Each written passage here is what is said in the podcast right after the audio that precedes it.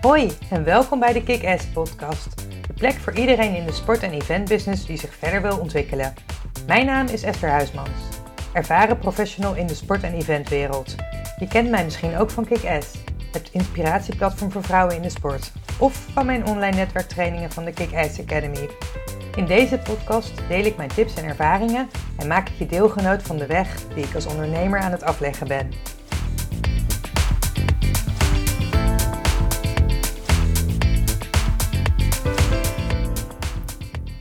We zijn live.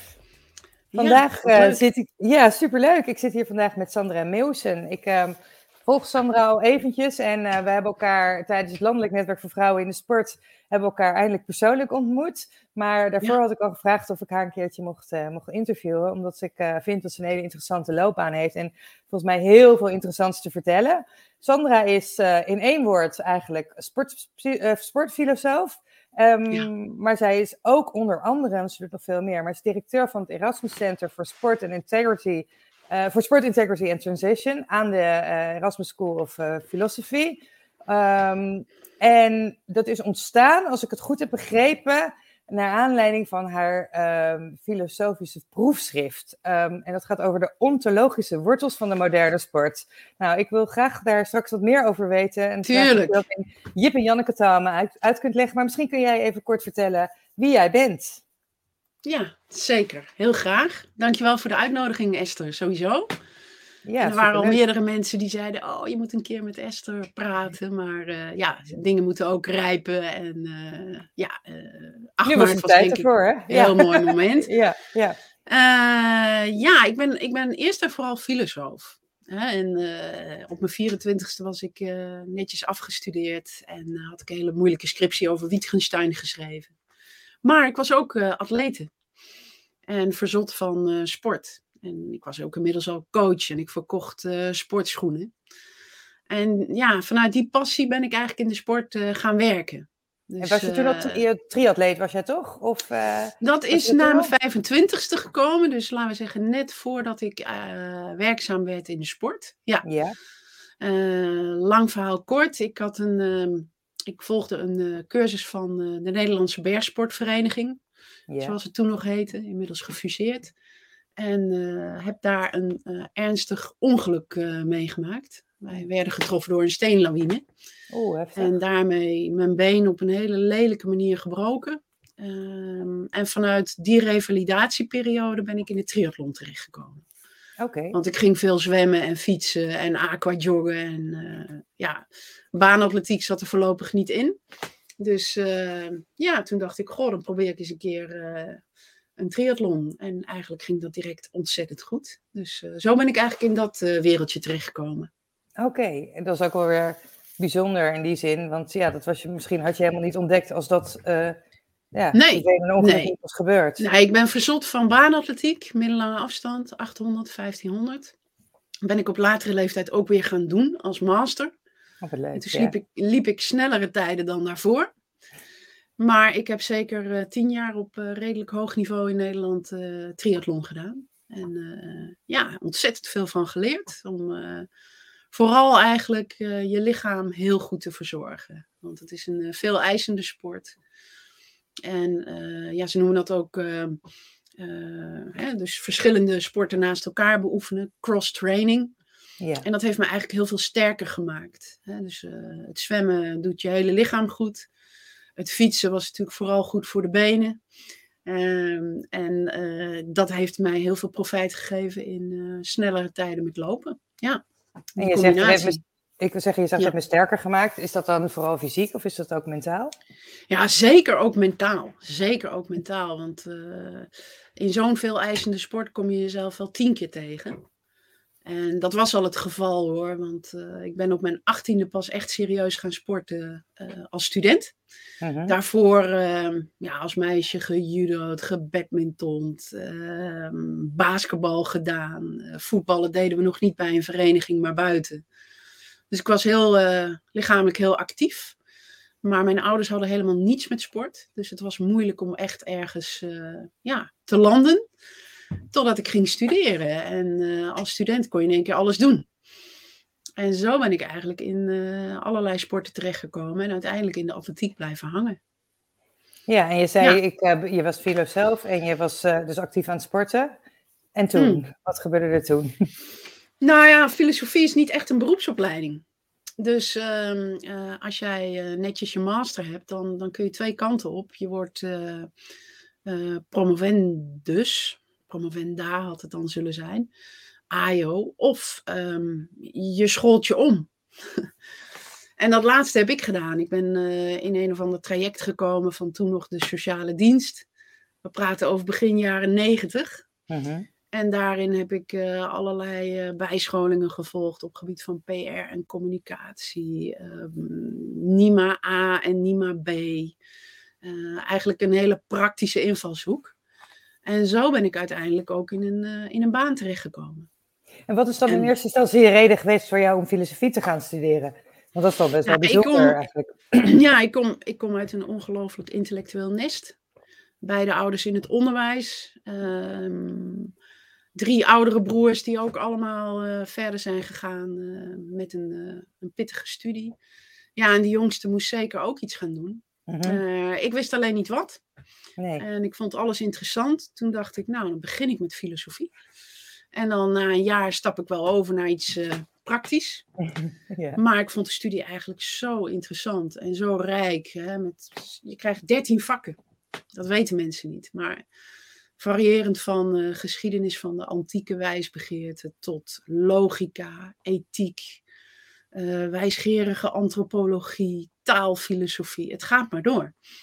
En daarin kun je ook je eigen pakket samenstellen. Ja. En dat heb ik, uh, ja, heb ik in zes jaar tijd heb ik daar mijn eigen route in gevonden. Ja, dat superleuk. Ik, zal even, ik wil nog eventjes nog even terug naar eerder, want ik zag dat je op uh, Curaçao was geboren. Ja, dat is een belangrijk element in mijn uh, geschiedenis, absoluut. Ik ben um, in 1966, daar praten we ja. over.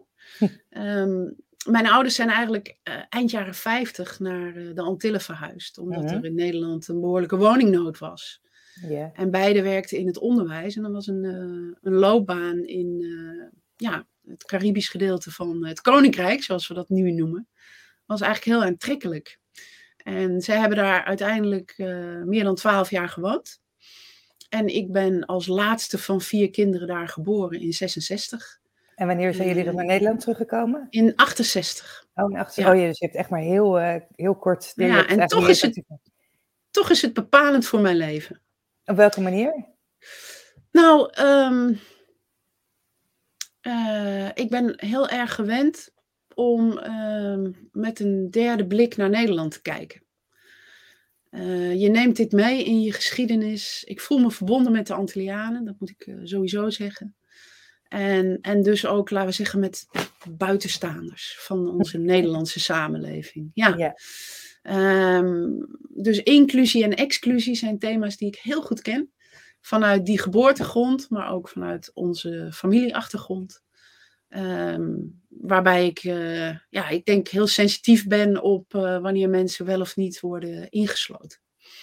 En dat is natuurlijk ook echt wel een thema in de sport. Hè? We pretenderen ja, inclusie, maar ja, uh, we hebben niet voor niets allerlei programma's staan op het gebied van uh, mensen met een beperking of uh, mensen met een migratieachtergrond of vrouwen.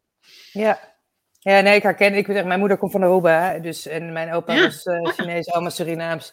Dus ik herken mm. je verhaal heel erg. Dat je van ja, ja, vanuit de bredere. Dus ik zei ook altijd, ik, ik ben inclusief, vind ik zelf. Alleen zou je dat ja. achterna, achterna ja, niet zeggen, maar mij, ik herken het zo erg. Erin. Wat voor mij echt een totale verwarmende ervaring was. Ik ging op mijn veertigste terug. Ja. Alleen. Ja. Ik had daar wel uh, afgesproken met een vriendin uit de atletiek. En we hebben lekker samen getraind daar op de baan. Juren die was toen nog op het eiland. Dus voor mij een totaal fantastische ervaring. Maar toen ik daar aankwam op het uh, vliegveld, heb je twee rijen. Eén voor de toeristen, de Nederlanders, en één voor de eilandbewoners, de Curaçaoenaars. Oh, ja. En ik dacht, ja, ja, het staat wel in mijn paspoort, maar ik ga, ik ga maar achter die Makamba's aan, hè? De, de Nederlanders. Ja, ja, ja. En ik voelde me daar eigenlijk heel ongemakkelijk, want ik identificeerde me wel direct. Hè? De, de, de, hele entourage, de lucht, de, Ja, je, de warmte, je thuiskomen, hè? Ja, ja. Het was echt thuiskomen. Ja. Eh, maar ik stond in die rij met die Nederlanders en ik kom bij die douanier. En dat is een jongen van het eiland. En die zegt, eh, wat doe je hier? Je bent toch van ons? En ik moest in de andere rij. Ah, dit, dit is voor mij eh, life-changing geweest. Dus ik ga heel regelmatig terug. Ja? En dan het enige wat ik doe is gewoon op, op, op de grond liggen in het water en bijtanken. Ja, oh, wat leuk. Ja, ik herken wel dat je zegt dat thuiskomen. Dat had ik, ik was er ook Ja? nooit geweest, maar toen ik er voor het eerst was, had ik dacht, ja, dit klopt. Ja, Dit klopt dus op een je- bepaalde je manier, hè? Ja, ja, Ja. ja.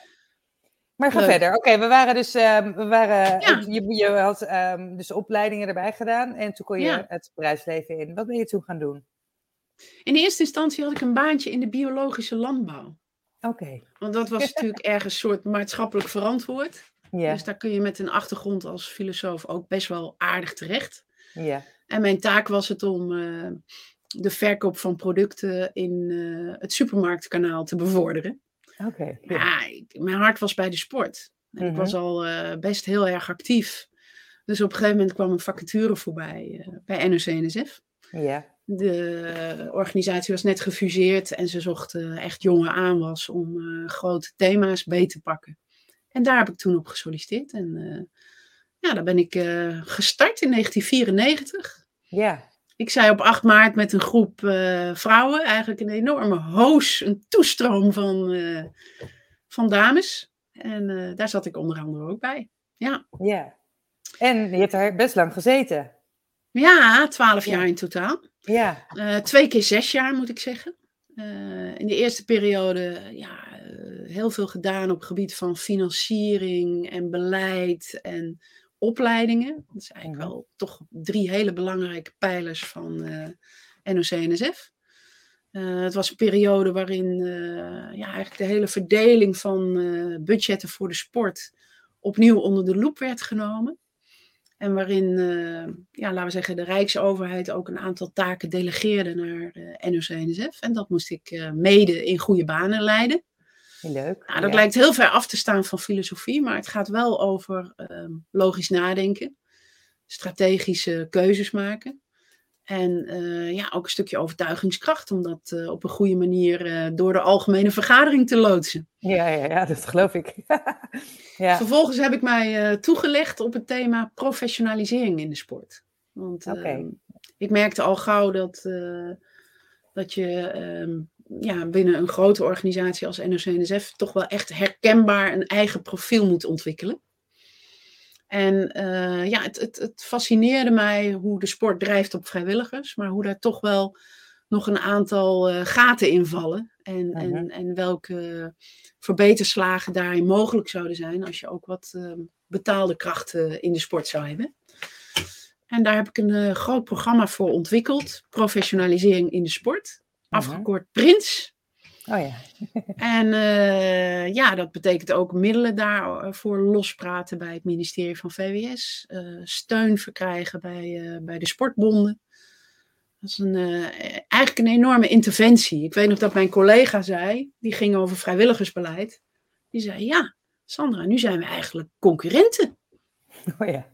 Dat vond Ja. ik wel een eye-opener, want ik ervaarde dat zelf totaal niet zo. Nee, nee, nee, eh, nee, nee. ik, ik, maar dat geeft ook een beetje aan hoezeer strijd en competitie en, en competentiestrijd.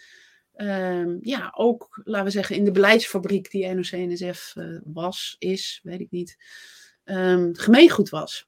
En ehm, ik werkte voor de helft voor eh, wat toen nog sportontwikkeling heette, Ja. later breedte sport. Mhm. En voor de helft werkte ik voor eh, topsport, waar ik eh, de topsportbeleidsplannen van bonden moest beoordelen. Oh ja. Ja, en dat was ook eigenlijk in die tijd nog water en vuur. Ja. Dus daar, de, de fusie had wel juridisch plaatsgevonden, maar op cultuurvlak nog lang niet. Even Maar ook weer heel, dit is ook wel weer heel interessant natuurlijk dan, om dat mee te maken. Interessant ja. en moeilijk voor een twintiger die heel veel wil. Als je, ja, ja, als je ambitie Dus hebt ik en ben- daar... Ik ben daar ook wel eh, op vastgelopen hoor. Want ehm, ja, het was ook niet een organisatie waarin je makkelijk veel steun kreeg. En eh, ik herinner me nog wel eh, de momenten dat ik in mijn uppie eh, voor het directeurenoverleg stond. en eigenlijk geen backup had vanuit uh, directie en bestuur. Ja, daar word je wel heel sterk van, maar tegelijkertijd is het eigenlijk een, een, een vorm van overvragen. Wat had je gewild? Wat had je, wat had je op dat moment nodig gehad? Nou, volle steun. Volle steun. En uh, die ontbrak. Dus ja. na zes jaar ben ik uh, vertrokken. Heb ik gezegd, uh -huh. ja, dat thema is nodig en goed. Maar ik krijg het in mijn uppie hier niet doorheen. Dus uh, ik laat het los. Dan -huh. laat je eigenlijk een soort kindje los. Vervolgens heeft het ook nog twee jaar braak gelegen. En is, zijn anderen daarmee doorgegaan. En je zou kunnen zeggen dat de invalshoek nu uiteindelijk vorm heeft gekregen in het programma Buurtsportcoaches, de duale ja. functies. Ja. Dus uh, ja, ik ben wel heel trots over wat dit uiteindelijk teweeg heeft gebracht in de sport. Daarna heb ik twee jaar bij een adviesbureau gewerkt, Marktplan Adviesgroep. Ja. Uh, nu grond mij. En daarin heb ik eigenlijk heel veel voor gemeenten gewerkt, in de sport. In de sport, dus dat, ja. dat betekent dat je je bezighoudt met accommodatiebeleid. Oh ja. exploitatieonderzoeken en uh, ja, eigenlijk de groeimodellen voor accommodaties. Een heel ander vak, maar heeft me enorm veel inzicht gegeven in ja, waar de sport eigenlijk gemaakt wordt, namelijk lokaal. Ja. Dus niet uh, op Papendal of in Den Haag, maar in elke gemeente om de hoek. En dat, uh, daar heb ik uh, veel, uh, veel in kunnen doen voor allerlei gemeenten, beleidsnota's en onderzoek.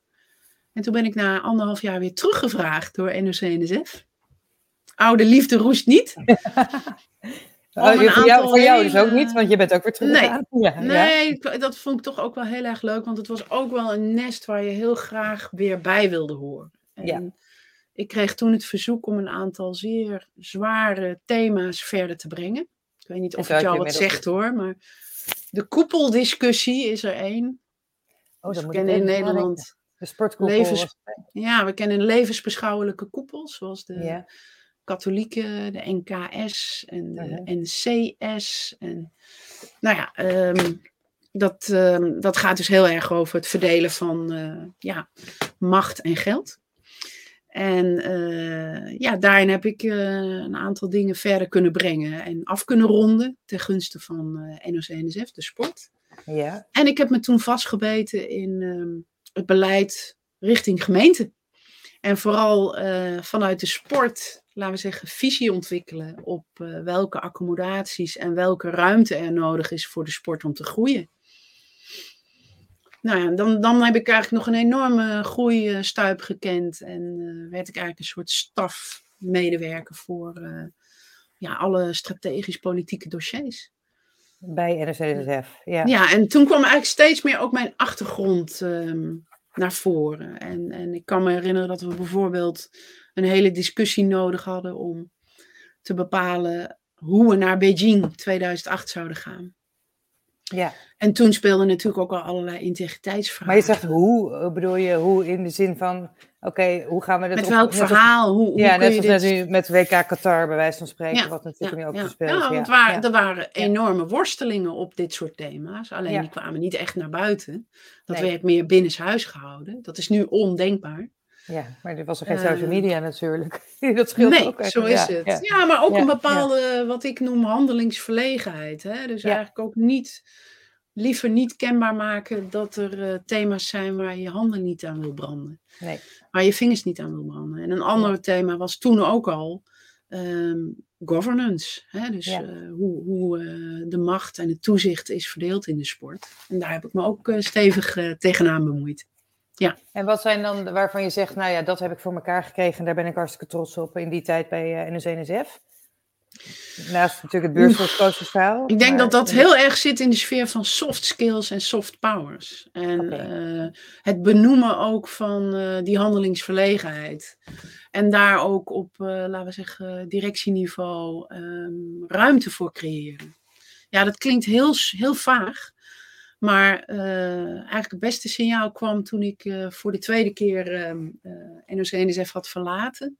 Mhm. Dat daarna collega's nog vijf jaar lang contact zochten en hielden om met mij te sparren over allerlei ja, on, on, onverkwikkelijke zaken. Tegelijkertijd wist ik ook te veel. Dus ik moest ook weer weg, omdat ik heb dat het glazen plafond genoemd op 8 maart. Maar dat gaat ook over ehm, ja, weten welke dynamiek de sport gevangen houdt. Ja. En, en uh, dat zijn zeer precaire inzichten, die, uh, die ook bedreigend zijn voor de gevestigde orde. En uh, mijn laatste verzoek was om, om op een directieniveau door te groeien. Ja, dat, dat, dat werd me niet gegund. En dat had iets te maken met stijl van leiderschap, die toen nog echt wel heel dominant, traditioneel masculien van aard was. En ik was van nature verbindend. En van nature gericht op uh, innovatie en, en ontwikkeling. En ja, dat, dat waren toen nog niet echt waarden waarop gestuurd werd. En wat denk je dat er nodig... Nou ja, dat is misschien een vraag voor later. Maar in principe, wat zou er nodig zijn om dat te doorbreken? Want je zegt nu nog gewerkt, heb je het over. Maar nog steeds is het natuurlijk... Nou, ik denk dat dat proces zo ja, dat proces is gewoon volop gaande. Volop gaande. Ja. Alleen, het gaat niet van de een op de andere dag. En ehm, de sport is natuurlijk met elkaar een heel uh, massief collectief veld waarin bepaalde waarden van oudsher domineren, in het DNA zitten. En één daarvan is uh, volhouden, koste wat het kost. Ook eventueel ten koste van jezelf dus, dus ruimte voor kwetsbaarheid, angst, gevoel um, is maar heel minimaal aanwezig. En natuurlijk in ieder mens die daar werkt wel. Maar dan gaan ze naar de kerk op zondag. Of um, in ieder geval buiten dat kantoorgebouw. Nee, en, en, niet op de eh, werkvloer, nee. Nee, nee dat, en dat, dat, is, um, dat is iets wat de sport groot heeft gemaakt. En dat is denk ik ook waar we naar verlangen als we gaan sporten. Maar tegelijkertijd is er ook altijd dat verlangen naar contact met je lichaam. En uh, het leren kennen van uh, ja, je lichamelijke kwaliteiten. Presteren is niet veel me meer dan leren excelleren. Op welk niveau dan ook. Uh -huh. en, en dat vergt ook de bereidheid om je lichaam te verzorgen. Dus, en ja, ik zie de sport ook als een lichaam, wat um, op dit moment uh, geblesseerd is. Op allerlei manieren. En, en in mijn periode, toen nog aan, aan, aan, aan de top van die piramide, was dat proces natuurlijk al gaande. Ja. Alleen was er toen nog veel minder de bereidheid om in de spiegel te kijken en om daarin ook um, een stukje zelfreflectie toe te passen. Dat zie ik nu heel veel meer. Heel veel meer. Dus dat is ook de reden waarom ik nog steeds erg gepassioneerd ben om uh, met bestuurders in de sport uh, ja, uh, dit aan te gaan. Ja, en je hebt natuurlijk alleen heet, ja. Ja, als nee, ga zeg maar. Ja. Nou, alleen heet het dan nu in één keer ethiek en uh, ja. integriteit en transitie. Ja, dat zijn maar namen, ja, maar het is eigenlijk hetzelfde proces. Alleen vanuit bent... een andere positie.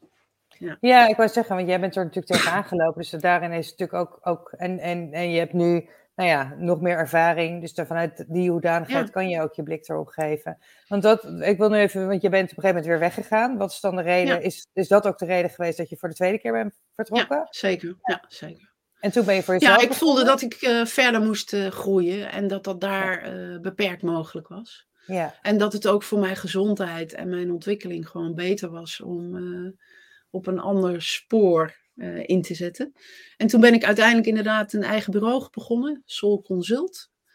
Uh, waarin ik ook nadrukkelijk bezig wilde met persoonlijke ontwikkeling en met uh, organisatieontwikkeling en verandermanagement. Het liefst in de sport, maar dat was toen ook nog allemaal eigenlijk heel nieuw om daar uh, aandacht voor te vragen.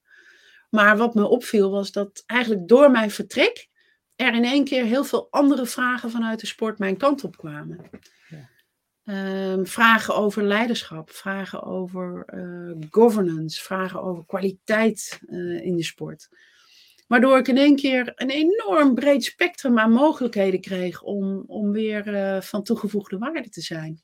En dat waren niet alleen bonden, wat natuurlijk mijn, mijn achterland was, maar ook gemeenten en provincies en commerciële sportorganisaties en nou ja, het ministerie niet te vergeten. Dus eh, ja, het was voor mij eigenlijk een eh, fase van heel veel leren en heel veel ontdekken en experimenteren. Maar ik zat wel in de haarvaten van de sportinfrastructuur in Nederland. En ook Mooi. dat, nou ja, heb ik inmiddels eh, vanaf 2008, eh, laten we zeggen, vanuit ondernemerschap gedaan. Ja, en eigenlijk die hele periode van 30 jaar, want dat is het inmiddels. ja, daar heb ik op gereflecteerd in mijn promotieonderzoek.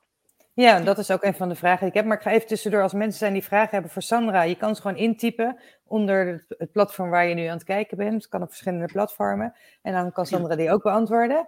Maar uh, promotieonderzoek, ja, wat, wat, wat, is de reden geweest uh, voor jou om, om uh, te gaan promoveren? Want ja, dat je ineens zo'n beslissing neemt, het is toch een aantal jaar dat je erin moet steken. Um, nee, dit is langzaam gerijpt. Dit is ja. langzaam gerijpt. En dit is eigenlijk al begonnen toen ik nog um, op Papendal werkte. Met okay. die enorme behoefte om te begrijpen wat daar plaatsvond. -huh.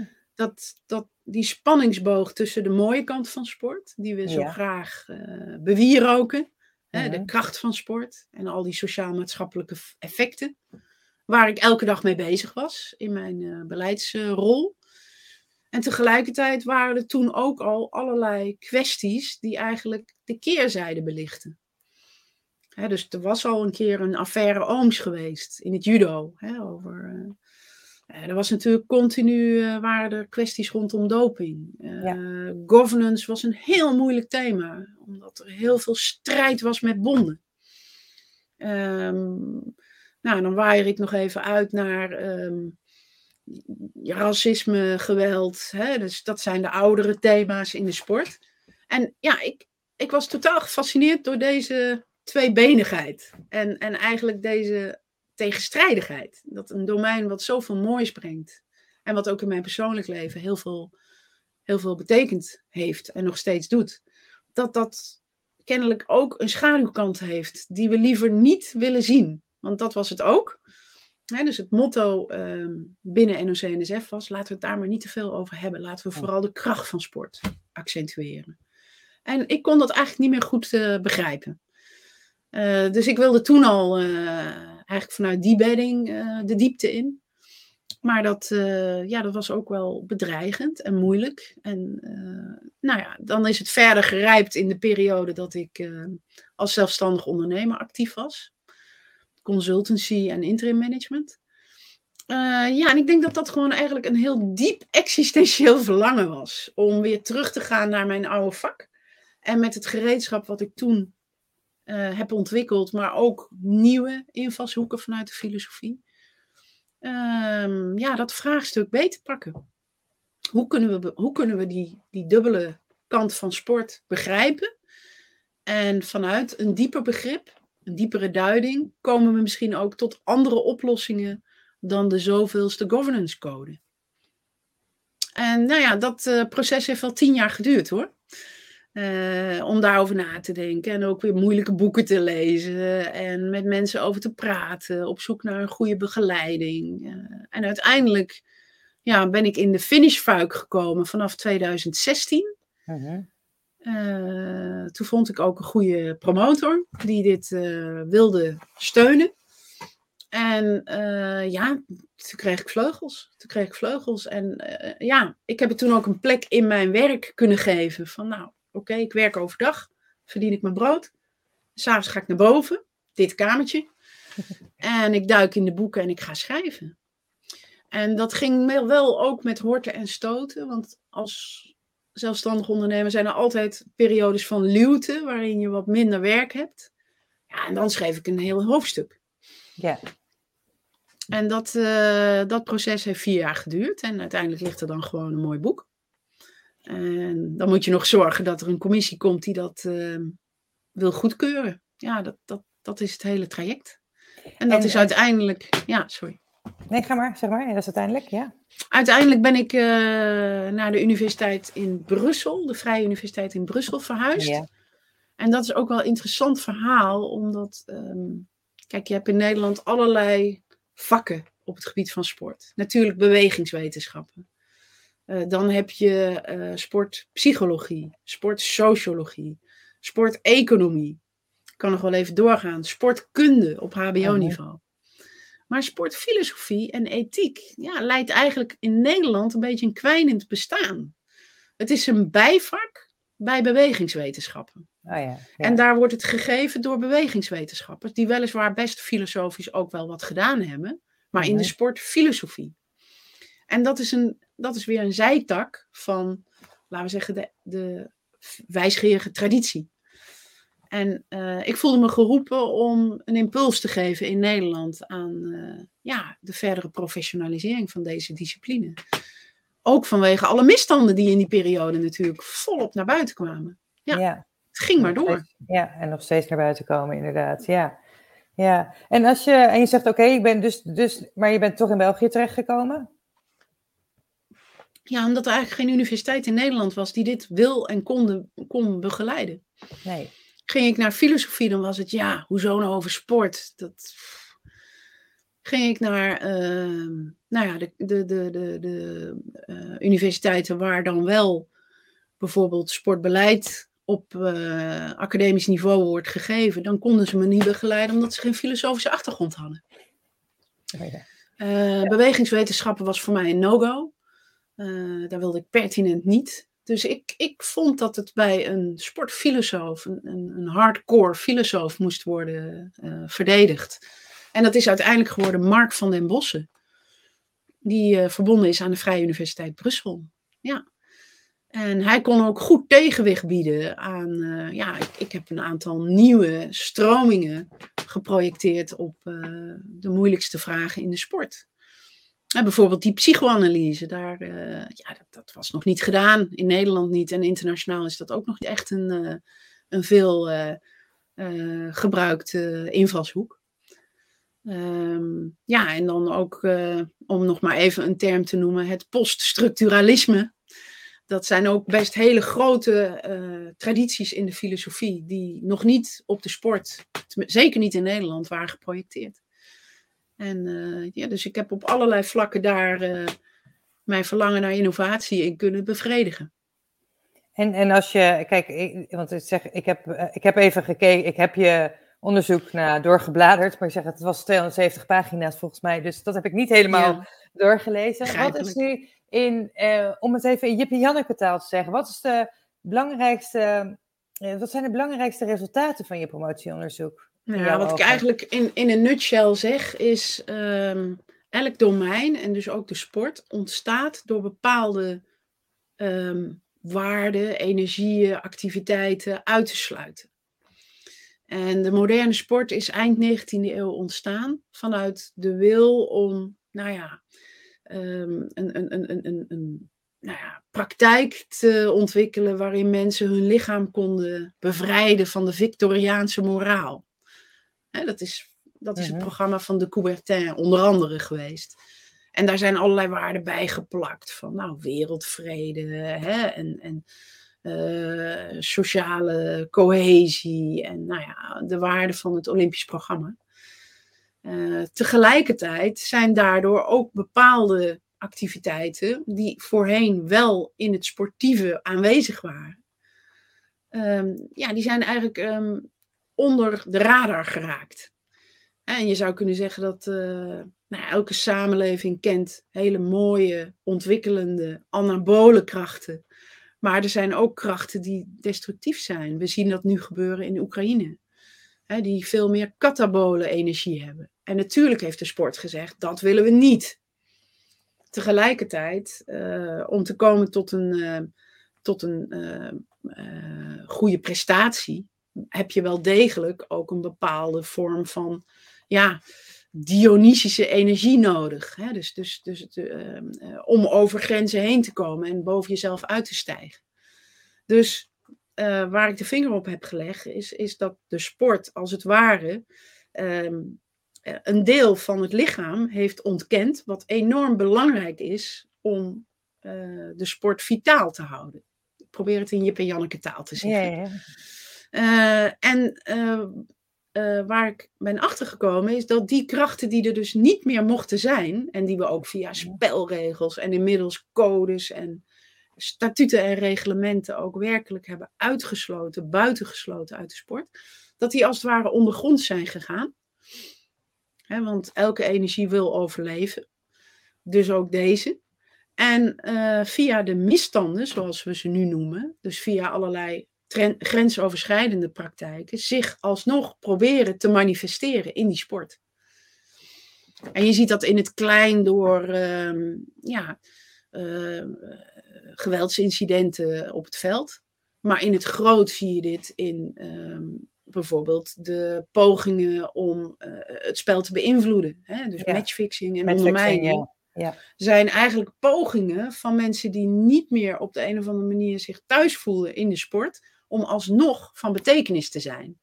En wij keuren dat af, omdat het gezien wordt als crimineel. Maar deze mensen willen niets liever dan bij de sport horen. Zeker de spelers die het betreft. Natuurlijk zijn er ook, laten we zeggen, Bel-Chinezen. Die denken, oh mooi, de sport is zo zwak. Kan zich eigenlijk niet verdedigen. Wij, eh, wij zetten daar een aantal eh, eh, initiatieven op. Eh, maar het begint ermee dat we met elkaar in die sport ook zo graag willen dat het spelletje overeind blijft. Hè, dat, het, dat het spel voorop staat. Dat we ook kwetsbaar zijn voor invloeden die daar haaks op staan. Ja, ik probeer eh, eh, samen te vatten, maar Ja, het is Het blijft. Ja, ja. heel complex. Ja. Ja. ja. En daarin heb ik drie, en dat is het woord ontologie, drie, laten we zeggen, centrale thema's die ehm, op allerlei manieren terugkomen in de sport, onderscheiden. De Mhm. eerste zul je onmiddellijk herkennen is sport als spel. Ja. Dus de, eh, eh, je ziet in het nadenken over sport, maar ook het eh, definiëren van sport, overgave, ehm, ook een bepaalde toevalligheid die bij spel hoort. Tegelijkertijd zie je in de sport natuurlijk allerlei, laten we zeggen, wat ik eh, heb genoemd, steriliserende krachten, die dat spel willen controleren. Die willen Ja. zorgen dat het veilig verloopt Mhm. dat we ons aan de regels houden. En dat staat eigenlijk haaks op de functie van spel. Ehm, en naarmate we meer eh, idealiseren en romantiseren dat sport een spel is, zul je zien dat er, nou ja, dat is natuurlijk gaande in allerlei eh, excessen, dat we juist die, die spelmatige kant eigenlijk verliezen. Ja. Hè, dus er zit bij mij ook een verwondering over het feit dat we romantiseren dat sport een spel zou zijn of moeten zijn. En er tegelijkertijd heel veel plaatsvindt wat dat ontkracht. Eh, dat is één. En daar recht tegenover, in een soort van polaire positie, staat de opvatting dat sport vooral strijd is. En eh, dat we vooral met elkaar ehm, eh, via strijd beter zouden worden. Competitie. En ik heb dat genoemd de agonale functie eh, van sport. En ja, dat, die, ook die wordt geromantiseerd. En vaak als dekmantel gebruikt om agressie en een, eh, een, een stevige spelstijl, maar ook een bepaalde cultuur in de sport te verdedigen. Dus de, de sport als strijdcomponent heb ik natuurlijk heel erg mogen ervaren eh, aan de top van de piramide. Ja. Waarin weinig eenheid was en weinig spel. En vooral eh, de ernst van ja, de dood of de gladiolen. Waar hoor je bij? En nou ja, ehm, dus, dus dit zijn de twee uitersten. En daaronder, wat mij betreft in de onderstroom, is iets gaande wat te maken heeft met verlangen.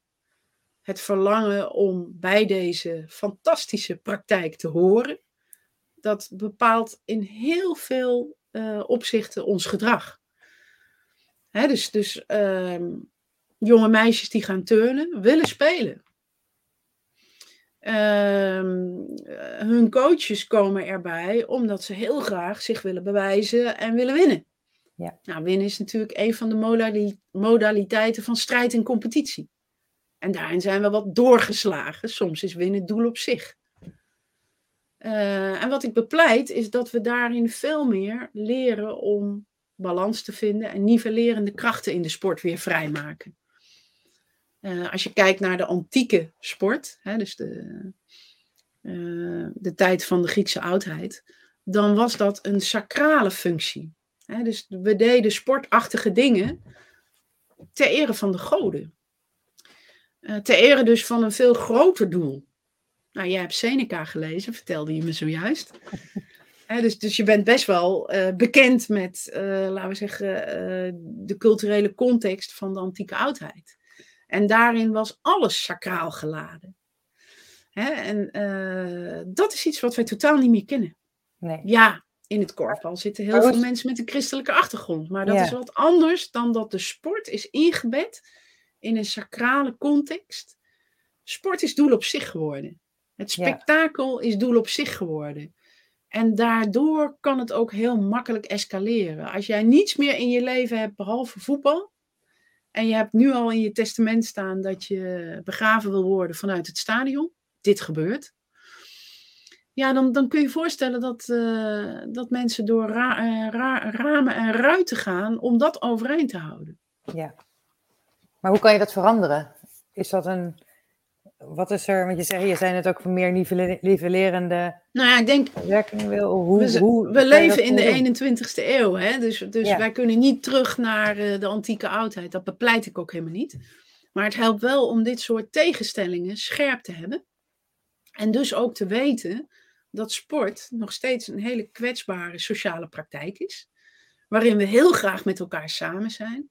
Mhm. Maar uh, uh, ik zou in deze tijd op zoek willen gaan naar een vorm van sacraliteit die past bij um, ja, een, een, een, samenleving die voorbij de secularisatie, hè, dus de, we zijn niet meer zo kerkelijk en religieus als ooit, maar mensen zijn wel op zoek naar spiritualiteit. En zijn wel op zoek naar zingeving.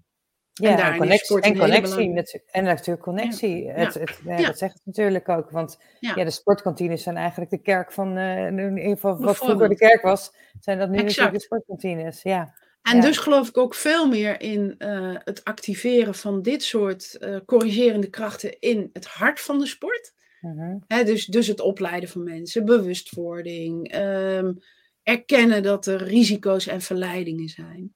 Dan in het afvaardigen van nieuwe wetten en regels en die afdwingen via opsporing, straffen en uitsluiten. Ja. Ik denk dat dat een, een weg is die we um, alleen in noodgevallen moeten willen gaan. En, en dat dat niet het recept is om integriteit in de sport te bevorderen. Want nee, integriteit is ja, veel meer intrinsiek. Ja, veel meer intrinsiek. En veel meer vanuit, vanuit uh, de soft powers. En daarin is de sport enorm goed. Enorm goed. Alleen, uh, er is wel nog een deel te ontwikkelen wat gaat over het erkennen van een stukje kwetsbaarheid en uh, het uh, ook onder ogen zien van het aandeel van de sport in het ontstaan van misstanden ja. en grensoverschrijdende praktijken. En op het moment dat je zegt, nou, is een maatschappelijk probleem, shit happens. Ja, dat, die reflex snap ik, maar daar wordt het niet minder van. Nee, Nee, dat eens. Is... Ben ik het met je eens. Ik bedoel, we kunnen het wel even... Ja, dat, dat is nou helemaal zo. Ja, maar daar, hallo, dan is het ja. tijd om daar wat aan te veranderen. Ja. Ja, exact. En daarin ligt nog best een heel pad om, om te gaan. Want het is enorm moeilijk om hierin een aandeel te nemen zonder in een soort schuldvraag terecht te komen. En dat heeft ook een juridische component die ik heel goed begrijp. Tegelijkertijd zie je eigenlijk aan alles wat er nu gebeurt dat de sport snakt naar mensen die wel willen dragen en, en wel de verantwoordelijkheid aandurven. Ja. En, en ook daarin ben ik weer erg hoopvol over wat er, uh, wat er gaande is. Het gaat met vallen en opstaan. Maar als je nu toch kijkt wat er inmiddels wel mogelijk is in het turnen versus tien jaar geleden. Ja, dan mogen we gewoon heel erg uh, trots zijn. En dat sluit helemaal niet uit dat er nog enorm veel moet gebeuren. Nee. En dat is natuurlijk ook, want dat is een, een vraag die ik ook had opgeschreven. Van, ja. um, wat heeft het jou gebracht om dit onderzoek te, te schrijven? Naast, nou, misschien naast, maar in, misschien ook wel in je huidige functie. Maar alles, wat heeft het, ja. alles, alles. Want jij zei aan het begin dat ik dit naast andere dingen doe, maar inmiddels is dit gewoon uh, mijn, mijn nieuwe baan. Oh, dus, dus ik heb ja, een, ja, ik, heb een loopbaanswitch gemaakt. ja, ik dat je zo concert was volgens mij ook net met april was je ook al mee ja, gestopt. Zag ja, ik ben gestopt met mijn consultancy. En mijn, in, okay, mijn laatste klusje was voor de gemeente Alphen aan de Rijn. Ja. En dat heb ik net uh, per 1 maart overgedragen. Ah, dus ik, okay. uh, uh, dus ik ben volledig nu bezig met het opbouwen van het centrum. Mooi. En dat is, dat is iets wat ik samen met anderen doe. Hè. Er zitten al een aantal promovendi. Uh, er zal een postdoc bij komen. En je hebt misschien op LinkedIn gezien, we zijn bezig met een transitieteam. Mm -hmm, ja. Dus mensen die uit de sport komen en een bepaalde ontwikkeling hebben doorgemaakt. En die gaan we tot in de haarvaten van sportorganisaties uh, plaatsen. Dat zijn een aantal, En- ja, ik heb een aantal van de vrouwen ook geïnterviewd. Wat me wel opviel, waren allemaal Ja. vrouwen. Dus ik had daar, daar de, de diversiteit miste ik nog een beetje. Dus dat was mijn vraag Ja. daarover. Ja, hoe Ik heb dit heel organisch eh, gedaan. Eh, Ja. Vanuit de mensen die zich gemeld hebben afgelopen twee jaar. En dat waren toevallig vijf vrouwen. Of vier, Ja. sorry. Ja, Maar er staan ook een aantal mannen al klaar om en te trappelen. Dus we gaan langzamerhand uitbouwen. Eh, Je Mooi. gaat niet direct met twintig man beginnen. Nee, dus nee, nee, dit. Is, we doen dit heel organisch. En eh, ja, het is wel bijzonder dat het inderdaad begint met vier vrouwen. ja. En ik denk dat het iets te maken heeft met het vermogen om vanuit ehm, een, een, een, een zachte en ja, affirmatieve kwetsbaarheid ehm, nu in die sport te penetreren. Dat woord gebruik ik dan wel. ja. Ja. En wanneer, wanneer zeg je van, ik bedoel, je bent nu echt in de opbouwfase. Wanneer heb je het idee van, nou, als dit voor elkaar is, dan, eh, nou, zo, zo- zo- dan ben ik klaar. Wat Nee, ik ben nooit wat klaar. Ik zie dit niet als weet iets- ik ook. Nee, maar ik wil maar- wel op de vitale posities in de sport aanwezig zijn en dienend eh, ehm, eh, kunnen bijdragen aan eh, nou ja, integriteitsvraagstukken en transitiebewegingen. Dus dat betekent bij eh, de grote landelijke beleidspartners, maar ook in het veld daaromheen. Hè? Want transitie vindt vooral van buiten naar binnen plaats. Mhm. Dus dat, vitale posities en van daaruit nou ja, in co-creatie met eh, bestuurders werken aan nieuwe, ehm, eh, een, een, nieuwe cultuur. Hè, om dat woord dan toch maar weer even te gebruiken. Eh, dat is één. Eh, natuurlijk hoort met, bij een academische positie ook dat je een aantal eh, mooie educatieve programma's hebt staan. Een master en minoren. Ehm, ik wil heel graag een aantal mensen helpen die met promotieplannen rondlopen. Waardoor we met elkaar ook een body of knowledge gaan ontwikkelen. Ik vergeet nog te melden dat ik inmiddels ook internationaal behoorlijk actief ben. Met eh, collega's die in andere landen vergelijkbaar bezig zijn. En daarin is Nederland opnieuw gidsland. Want we doen een aantal dingen echt anders dan ehm, in andere landen. Bijvoorbeeld de combinatie met eh, zo'n transitieteam is echt anders. Mhm. Dus, en dat, dat komt natuurlijk omdat ik uit die sport kom. En ik, ik snap als geen ander dat je het vanuit de sport moet willen aanvliegen. Niet van achter een bureau bij een universiteit met mooie boeken komen. Dat Nee. gaat niet werken. Nee, Dus ik wil ook de, de kennis en inzichten samen met de mensen uit de praktijk ontwikkelen. Ja. Hè, en en eh, die wisselwerking, ja, dat is, eh, dat is ook een andere vorm van filosofie bedrijven. Dat, ehm, embedded ethics hoort daarbij Ja. als woord. Dus, En nou, heb eh, jij nog, en nou heb jij natuurlijk zelf die ervaring wel nog uit het, uit het werkveld, dus dat scheelt. Maar Ja, eh, ja, ja, eens, ja. ja, ja. Ja, Ja. en ook de mensen die inmiddels eh, zich bij ons gevoegd hebben. Hè. Eh, bijvoorbeeld ja, iemand als Edith Bos, die uit het judo komt, is nog heel dicht bij die praktijk. Ja. En eh, ja, zo, zo gaan we opbouwen. Leuk. Klinkt Hoe zitten we in de tijd, eh Ja, Esther? we, zitten al, we, zijn, we zijn al over de tijd die we hadden aangegeven. Dus eh, Ja. als er nog mensen vragen hebben, dan kan dat nu aan Sandra. Zijn er nog dingen waarvan jij zegt, ehm, eh, wat, wat zijn je ambities nog? Nou, je hebt natuurlijk net al wat genoemd hier. Zijn er nog bepaalde dingen die je zegt, nou, hier, dit wil ik nog echt eh, bereiken? Nou, ik wil heel graag hoogleraar worden, maar dat is een persoonlijke ambitie. En dat Ja, past dat ook wil wel ik ook bij het weten pad. voor jou. Ja, Ja, dat- oh ja, ja. ja. Ik ben natuurlijk toch nog steeds sporter, hè? dus daar Mhm. hoort ook wel bij dat je jezelf toch weer een nieuw doel stelt. Oké, En ik ben nu midden eh, 50. hoop dat dat nog wel lukt voor de pensioengerechtigde leeftijd. Ja, wat moet je, wat moet je, wat moet je daarin doen om eh, hoogleraar te worden? Ja, dat is, dat is een mix van ehm, eh, publiceren en, en eh, thought leader zijn op een aantal thema's. Nou, dat laatste is al zeker het geval, maar ik zal toch zeker ook nog een aantal peer-reviewed artikelen moeten presenteren. Mhm. Daar ben ik mee bezig. Eh, onderwijs, maar ook eh, het opbouwen van zo'n centrum. En zorgen dat het kan floreren. Ja, dan, dan is het uiteindelijk ook een kwestie van gunnen.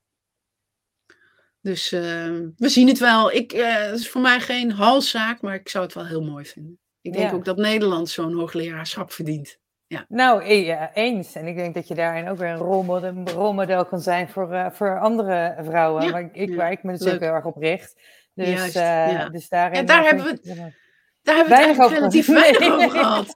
Ja, maar ja, het was gewoon mooi om jouw verhaal te horen. Dus, eh, Ja. En heb jij, nog, eh, heb jij nog tips aan, ehm, ik zit even te denken, aan, eerst, allereerst aan de jongere versie. Wat zou je tegen de jongere versie van jezelf willen zeggen? Met de kennis en ervaring die je nu hebt. Oeh, nou, eh, stap rustig door en ehm, heb ook geduld. Ik was, Mhm. eh, toen ik jonger was, soms wat ongeduldig. Mhm. Met veel streven en veel eh, bewijsdrang. En ik ben nu eigenlijk veel rustiger. Dat heeft ook met Mhm. leeftijd te maken, denk ik. Ehm, en die jongere versie zou ik ook gewoon heel graag gesteund hebben. Vanuit eh, de rijpheid die ik nu in mezelf gevonden heb. En ook eerder, want ik, ik, ik, ik had vroeger ook wel moeite om de eh, steun bij vrouwen te zoeken, in alle Mhm. eerlijkheid. En dat kwam, ik kom uit een gezin, ik heb ehm, drie oudere broers. Daar moest ik echt mee vechten om gehoord te worden. Dus dat kan ik heel goed. Vandaar dat ik het ook zo goed doe in de voetballerij, denk ik. En mijn moeder was, eh, was een hele moeilijke, toegankelijke vrouw. Met ook eh, een aantal psychische problemen. Waardoor ik eigenlijk daar niet veilig kon rusten. En dat heb ik, ehm, ja, ik denk, ik ben zelf moeder van een dochter. Dat heeft me enorm geho- geholpen om dat stuk te ontwikkelen. Mhm. En zij is nu 18 hoor. Maar het feit dat zij er kwam en ook mijn steun als moeder vroeg, ja, dat, dat heeft mij enorm gevoed. En, en daardoor stond, kwam ook de weg weer open naar eh, eh, vrouwelijke energie. Ja. Nou, dan komen we nog in een heel diep stuk op het laatst, Esther. Ja, nou, we kunnen volgens mij nog eh, uren doorpraten. Want ik- over de integriteit en dergelijke is natuurlijk ook nog Ja. heel veel te vertellen. Ja, en wat, ja. zijn, wat zijn tips aan, aan, aan vrouwen, eh, aan jongere vrouwen die ook een carrière in de sport ambiëren? Wat je daarin, het is natuurlijk heel breed, een hele brede vraag, dat begrijp ik. Maar wat zou je Ja. willen, willen meegeven? Wat, wil je, wat geef je aan je dochter mee, bijvoorbeeld? Stel, zij wil de sport in, wat zou je tegen haar zeggen? Ga voor je talent. Dus dus eh, zij gaat nu ook een tussenjaar doen om te ontdekken wat dat nou echt is. Weet je? Mhm. eh, ehm, en, en ga niet forceren in de zin van, ja, ik vind dat ik rechten moet doen, want. Nee, eh, zoek naar je verlangen daarin. En, en daarin, ik vind dat deze generatie, het zijn al niet meer millennials, maar het is geloof ik generatie Z tegenwoordig, dat die ons keer op keer verrassen. Mhm. En ook zo bereid zijn om een maatschappelijke rol te pakken. Dus ik heb er ook alle vertrouwen in dat er een hele nieuwe stroom jonge dames komt die, eh, die ons in de sport gaan verrassen.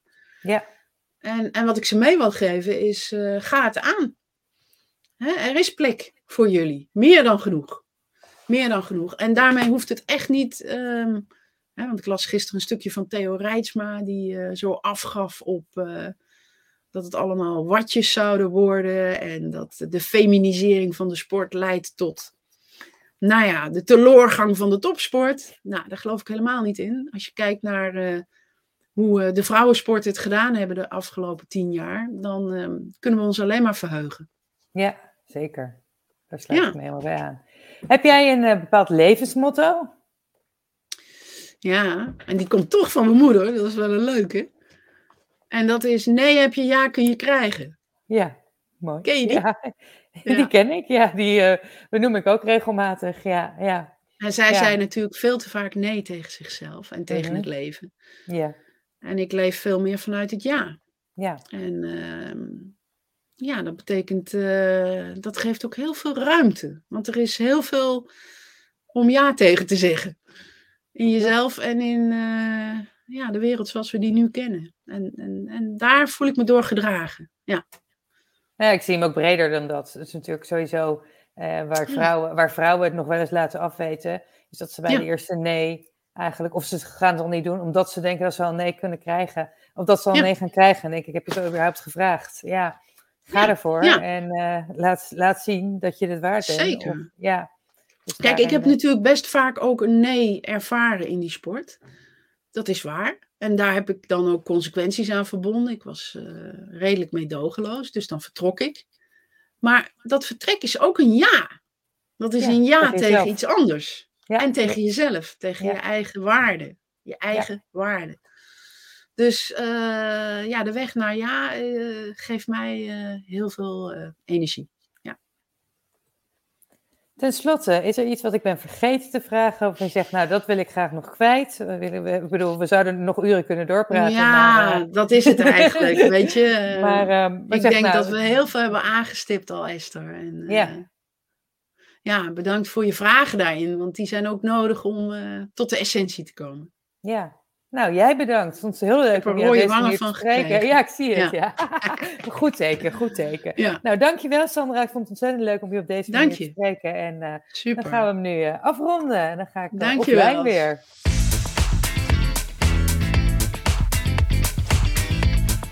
Dit was de aflevering van vandaag. Heel erg bedankt voor het luisteren. Vond je deze aflevering waardevol? Dan zou het heel fijn zijn als je een review wilt achterlaten op iTunes of op Spotify. Tot de volgende keer!